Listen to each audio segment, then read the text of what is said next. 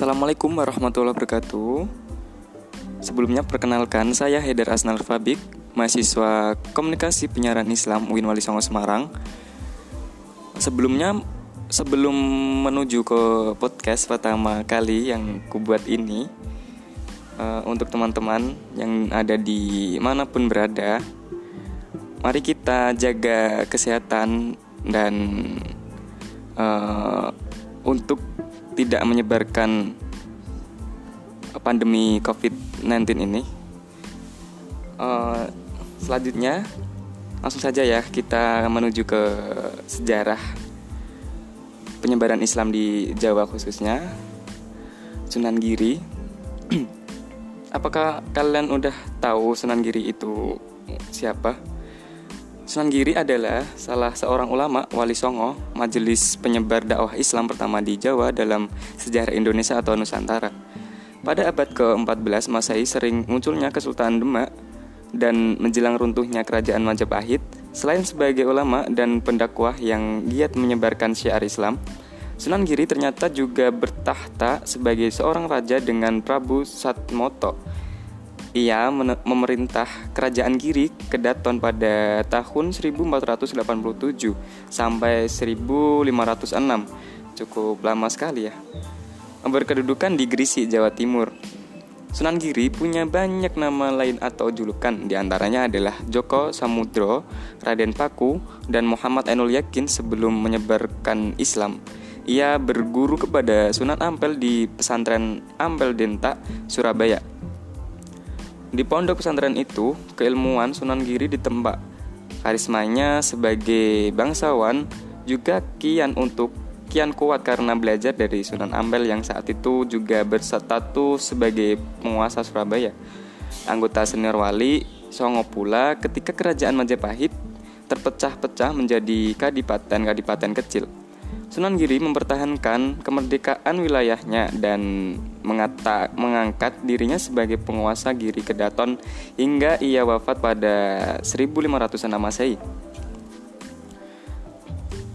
Nasab dan kelahiran Sunan Giri Ibu Sunan Giri adalah Dewi Sekardadu, putri bangsawan Menak Sembuyu dari wilayah kerajaan Belambangan atau Banyuwangi. Ayahnya adalah Maulana Ishak seorang mubalik yang datang dari Asia Tengah. Hikayat Banjar menyebutkan bahwa Sunan Giri atau Pangeran Giri masih punya garis keturunan dari Kesultanan Samudra Pasir, Kerajaan Majapahit, dan salah satu kerajaan di Bali. Dilansir dari Im, Iman Desa Giri, jika ditarik lebih jauh lagi nasab Sunan Giri sampai ke Nabi Muhammad SAW dari jalur Husain bin Ali radhiallahu an Ali Zainal Abidin, dan seterusnya.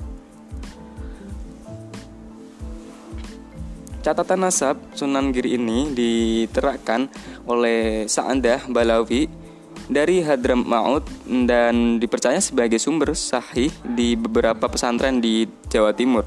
Kisah kelahiran Sunan Giri bermula dari ajakan Maulana Ishak kepada mertuanya Menak Sembuyu untuk masuk Islam Menak Sembuyu yang merupakan penguasa wilayah Belambangan di akhir masa Majapahit marah karena diminta meninggal, meninggalkan kekayaannya meninggalkan keyakinannya. Akibatnya Maulana Ishak diusir dari Belambangan. Saat itu istri Maulana Ishak Dewi Skardadu sedang hamil tua. Mereka dipisahkan oleh Menak Sembuyu. Dewi Skardadu dipaksa tetap di Belambangan. Sementara Maulana Ishak meneruskan perjalanannya ke daerah lain. Merana karena ditinggal suaminya, Dewi Skardadu akhirnya meninggal saat melahirkan seorang bayi pada tahun 1442 di Blambangan. Bayi inilah Pangeran Giri alias Sunan Giri. Diceritakan, saat itu terjadi wabah besar di Blambangan, Menak Sembuyu berkeyakinan bahwa pagebluk itu berkaitan dengan bayi laki-laki Maulana Ishak yang dilahirkan putrinya, Dewa Skardadu. Agus Sunyoto dalam Atlas Wali Songo pada 2016 menuliskan untuk mengusir wabah bayi itu diletakkan di sebuah peti dan dihanyutkan ke tengah laut. Peti itu lalu tersangkut di kapal milik Yai Pinati yang sedang bertolak ke Bali oleh Nyai Pinati. Bayi itu dijadikan anak angkat dan diberi nama Joko Samudro karena ditemukan di tengah laut atau samudra. Ketika beranjak besar, Joko Samudro kemudian dipondokkan di pesantren Ampel Denta, Surabaya. Di pesantren itu, di bawah bimbingan Sunan Ampel, ia berganti nama menjadi Muhammad Ainul Yakin, Joko Samudro alias Muhammad Ainul Yakin.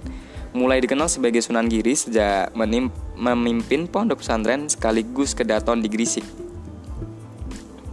Ajaran dakwah Sunan Giri dan wafatnya Muhammad Ainul Yakin mendirikan pesantren usai menuntut ilmu di pesantren Ambel Dinta di bawah bimbingan Sunan Ambel. Ia juga berhaji dan memper, memperdalam keislaman di Mekah sebelum mendirikan pesantren tersebut. Pondok pesantren yang didirikan Ainul Yakin terletak di kawasan Giri atau daerah Grisik sekarang. Maka ia kemudian dikenal dengan Sunan nama Sunan Giri Alik Al-Adim dalam buku Kerajaan Islam di Jawa pada 2012 menuliskan bahwa selain melalui jalur pendidikan Sunan Giri juga berdakwah lewat karya-karya seni yang ia ciptakan seperti tembang atau lagu dan permainan anak-anak. Permainan anak-anak yang dibuat oleh Sunan Giri di antaranya adalah jelungan, jamuran, gendigerit, dan lainnya. Masih banyak lagi dah.